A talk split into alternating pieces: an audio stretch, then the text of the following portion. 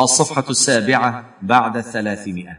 أبواب إحياء الموات وتملك المباحات. باب في أحكام إحياء الموات. باب في أحكام الجعالة. باب في أحكام اللقطة. باب في أحكام اللقيط. باب في أحكام الوقف. باب في أحكام الهبة والعطية. الصفحة الثامنة بعد الثلاثمائة. بسم الله الرحمن الرحيم. باب في أحكام إحياء الموات. الموات بفتح الميم والواو. هو ما لا روح فيه والمراد به هنا الأرض التي لا مالك لها. ويعرفه الفقهاء رحمهم الله بأنه الأرض المنفكة عن الاختصاصات وملك معصوم. فيخرج بهذا التعريف شيئان الأول ما جرى عليه ملك معصوم من مسلم وكافر بشراء أو عطية أو غيرها. والثاني ما تعلقت به مصلحة ملك المعصوم كالطرق والأفنية ومسيل المياه أو تعلقت به مصالح العامر من البلد كدفن الموتى وموضع القمامة والبقاع المرصدة لصلاة العيدين والمحتطبات والمراعي فكل ذلك لا يملك بالإحياء. فإذا خلت الأرض من ملك معصوم واختصاصه وأحياها شخص ملكها. لحديث جابر رضي الله عنه مرفوعا من أحيا ارضا ميتة فهي له. رواه أحمد والترمذي وصححه وورد بمعناه أحاديث وبعضها في صحيح البخاري. حاشية رواه الترمذي برقم ثمانية وسبعين وثلاثمائة بعد الألف وقال حسن غريب وقد روي مرسلا برقم تسعة وسبعين وثلاثمائة بعد الألف. وقال حسن صحيح. وأبو داود برقم ثلاثة وسبعين بعد ثلاثة الآلاف والنسائي برقم تسعة وخمسين وسبعمائة بعد خمسة آلاف وأحمد في الجزء الثالث الصفحة الرابعة بعد الثلاثمائة ولفظ البخاري برقم خمسة وثلاثين وثلاثمائة بعد الألفين من أعمر أرضا ليست لأحد فهو أحق. انتهت الحاشية. وعامة فقهاء الأمصار على أن الموات يملك بالإحياء. وإن اختلفوا في شروطه إلا موات الحرم وعرفات فلا يملك بالإحياء لما فيه من التضييق في أداء المناسك واستيلائه على محل الناس فيه سواء. ويحصل إحياء الموات بأمور الأول إذا أحاطه بحائط منيع مما جرت العادة به فقد أحياه لقوله صلى الله عليه وسلم من أحاط حائطا على أرض فهي له رواه أحمد وأبو داود عن جابر وصححه ابن الجارود. وعن سمرة مثله. عاشية. رواه ابن الجارود برقم خمسة عشر بعد الألف وأبو داود برقم سبعة وسبعين بعد ثلاثة آلاف. والبيهقي في الجزء السادس الصفحة الثامنة والأربعين بعد المئة وأحمد في الجزء الخامس الصفحة الثانية عشرة والصفحة الحادية والعشرين والطحاوي في الجزء الثالث الصفحة الثامنة والستين بعد المئتين. وحديث جابر رواه أحمد في الجزء الثالث الصفحة الحادية والثمانين بعد الثلاثمائة. والطحاوي في الجزء الثالث صفحة الثامنة والستين بعد المئتين. انتهى. وهو يدل على أن التحويط على الأرض مما يستحق به ملكها والمقدار والمعتبر ما يسمى حائطا في اللغة. أما لو أدار حول الموات أحجارا ونحوها كتراب أو جدار صغير لا يمنع ما وراءه أو حفر حولها خندقا فإنه لا يملكه بذلك لكن يكون أحق بإحيائه من غيره ولا يجوز له بيعه إلا بإحيائه.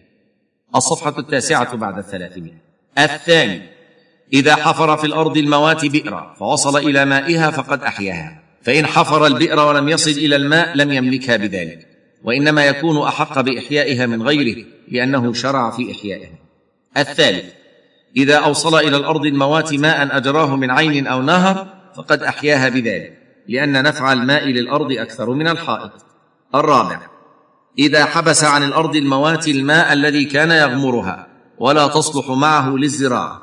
فحبسه عنها حتى أصبحت صالحة لذلك فقد أحياها. لأن نفع الأرض بذلك أكثر من نفع الحائط الذي ورد في الدليل أنه يملكها بإقامته عليها. ومن العلماء من يرى أن إحياء الموات لا يقف عند هذه الأمور بل يرجع فيه إلى العرف. فما عده الناس إحياء فإنه يملك به الأرض الموات. واختار ذلك جمع من أئمة الحنابلة وغيرهم لأن الشرع ورد بتعليق الملك عليه ولم يبينه فوجب الرجوع إلى ما كان احياء في العرف. ولإمام المسلمين إقطاع الأرض الموات لمن يحييها لأن النبي صلى الله عليه وسلم أقطع بلال بن الحارث العقيق وأقطع وائل بن حجر ارضا بحضرموت وأقطع عمر وعثمان وجمعا من الصحابة لكن لا يملكه بمجرد الإقطاع حتى يحييه. بل يكون أحق به من غيره. فإن أحياه ملكه وإن عجز عن إحيائه فللإمام استرجاعه وإقطاعه لغيره ممن يقدر على إحيائه. لأن عمر بن الخطاب رضي الله عنه استرجع الإقطاعات من الذين عجزوا عن احيائها ومن سبق إلى مباح غير الأرض الموات كالصيد والحطب فهو أحق به. حاشية إذا حاز. انتهى.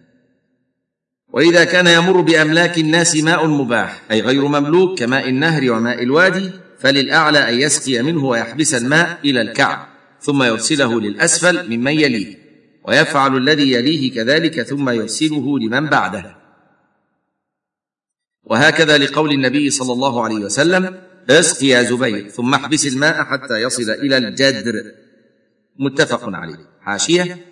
رواه البخاري برقم تسعة وخمسين وثلاثمائة بعد الألفين ومسلم برقم سبعة وخمسين وثلاثمائة بعد الألفين. انتهى.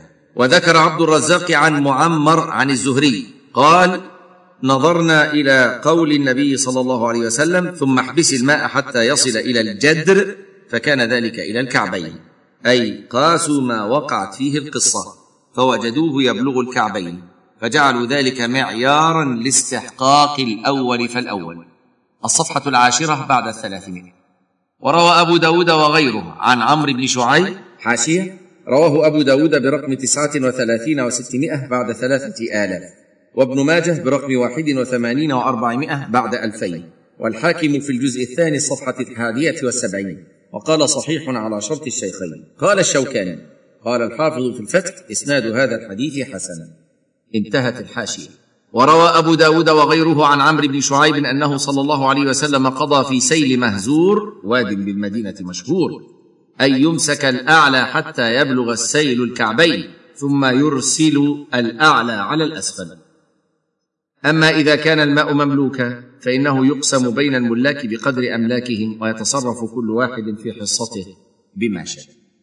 ولإمام المسلمين أن يحمي مرعى لمواشي بيت مال المسلمين كخيل الجهاد وإبل الصدقة. ما لم يضرهم بالتضييق عليهم لما روى ابن عمر رضي الله عنهما أن النبي صلى الله عليه وسلم حمى النقيع لخيل المسلمين. حاشيه رواه البخاري برقم سبعين وثلاثمائة بعد الألفين مرسلا أو معضلا ووصله أحمد في الجزء الثاني الصفحة الحادية والتسعين. والبيهقي انظر الفتح في الجزء التاسع الصفحة الخامسة والأربعين وتغليق التعليق في الجزء الثالث الصفحة الخامسة عشرة بعد الثلاثمائة. انتهى. فيجوز للإمام أن يحمي العشب في أرض الموات لابل الصدقة وخيل المجاهدين ونعم الجزية والضوال إذا احتاج إلى ذلك ولم يضيق على المسلمين.